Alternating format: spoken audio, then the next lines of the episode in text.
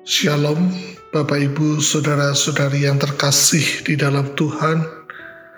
Berjumpa kembali dengan saya, Robi Hendrata, dari Persekutuan Doa Karismatik Katolik Santo Yosef Kebundung.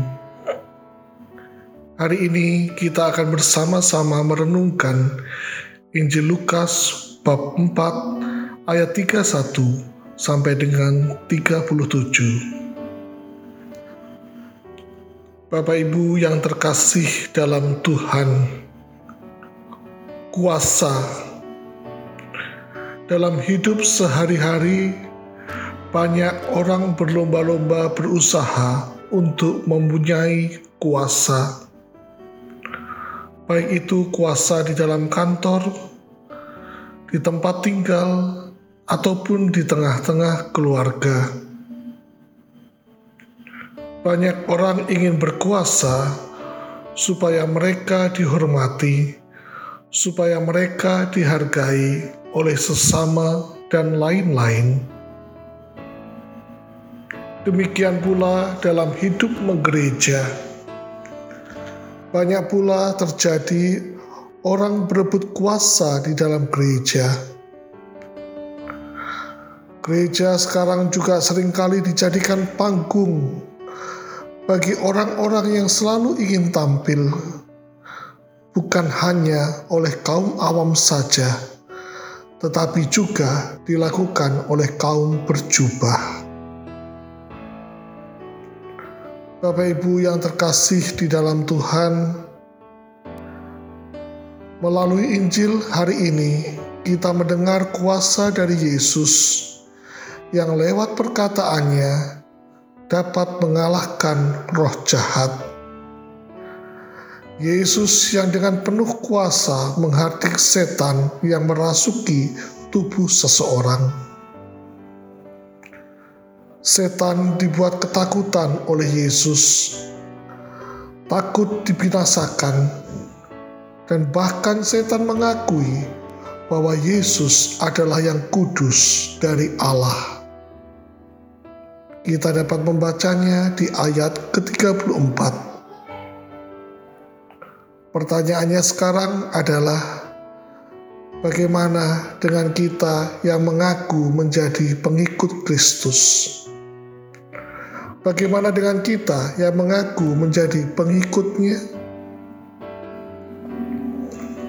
Bapak Ibu yang terkasih dalam Tuhan, sejak kita dibaptis, kita memiliki tiga tugas atau tiga martabat yang diberikan kepada kita, yaitu sebagai imam kita bisa menguduskan, sebagai nabi kita diutus untuk mewartakan kebaikan-kebaikan Tuhan, dan sebagai raja kita untuk memimpin.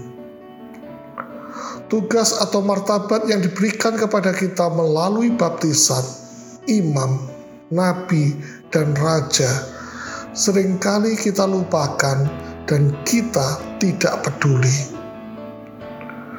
Padahal Roh Kudus yang sudah ada di dalam diri kita membuat kita mempunyai kuasa juga terhadap roh jahat. Kuasa roh jahat sebenarnya tidak bisa menguasai kita yang penuh dengan Roh Kudus. Persoalannya adalah sering kali kemanusiaan kita yang ragu-ragu bahkan tidak percaya dengan Roh Kudus yang sudah bertahta di dalam diri kita. Kita sering kali meragukan Roh Kudus yang bersemayam di dalam diri kita. Buktinya, Seringkali ketika kita berhadapan dengan masalah, misal sakit penyakit, kuasa kegelapan, persoalan rumah tangga, ekonomi, dan lain-lain, kita minta kepada sesama kita, baik itu yang kita anggap sebagai pendoa atau datang kepada suster atau romo untuk minta doa. Apa yang kita lakukan untuk minta doa ini bukan salah, tapi sering kali membuat kita memiliki pemikiran bahwa orang-orang tersebut lebih hebat, bahwa orang-orang yang berdoa bagi kita lebih pasti dijawab daripada doa kita pribadi. Kita lupa bahwa baptisan kita sama dan Roh Kudus yang bersemayam di dalam diri kita dengan yang Roh Kudus yang bersemayam di dalam diri pendoa ataupun suster ataupun para imam adalah sama. Dan yang sering kali yang paling fatal adalah kita yang sudah minta didoakan oleh sesama kita tersebut, kita lupa untuk berdoa pribadi dengan Tuhan. Sebenarnya setiap permasalahan, sakit penyakit, permasalahan ekonomi, rumah tangga, dan sebagainya, Tuhan ingin beracara pribadi dengan kita. Tuhan ingin kita datang beracara pribadi dengannya. Tuhan ingin kita memakai lutut kita untuk berdoa kepadanya. Bapak Ibu yang terkasih di dalam Tuhan, Mari kita kembali percaya dan yakin bahwa kita di hadapan Allah semua adalah sama. Roh Kudus yang ada di dalam diri kita satu sama lain juga sama. Maka mari kita harus mulai berani mengaktifkan Roh Kudus di dalam diri kita. Mari kita harus berani memakai Roh Kudus di dalam diri kita untuk menolak kuasa-kuasa jahat yang mengganggu kita secara pribadi. Roh jahat yang ada di dalam diri kita adalah misalkan sebagai berikut.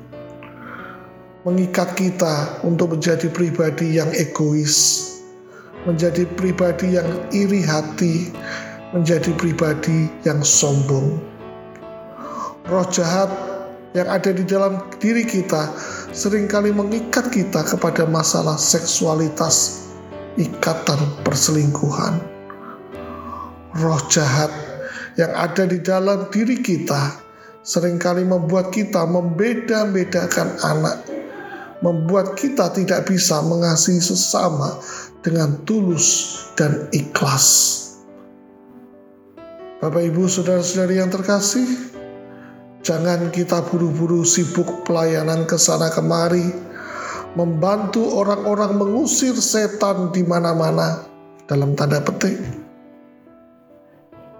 Tetapi kita lupa setan-setan atau roh-roh jahat dalam tanda petik di dalam hidup kita seperti perselingkuhan, sikap egois, sikap iri hati, sikap sombong, terikat kepada kekayaan, tidak pernah kita bereskan. Mari kita hari ini telah disadarkan, kita pakai roh kudus di dalam diri kita untuk awal membereskan diri kita sendiri terlebih dahulu. Kita bereskan bersama roh kudus. Kita memiliki kuasa untuk mengalahkan hal-hal yang buruk di dalam diri kita. Baru setelah itu kita melangkah keluar untuk membantu sesama kita, untuk membantu meringankan beban sesama kita, untuk membantu mengusir setan dalam diri sesama kita. Kita mulai dulu dalam diri kita masing-masing. Berkat Allah menyertai kita semua. Amin.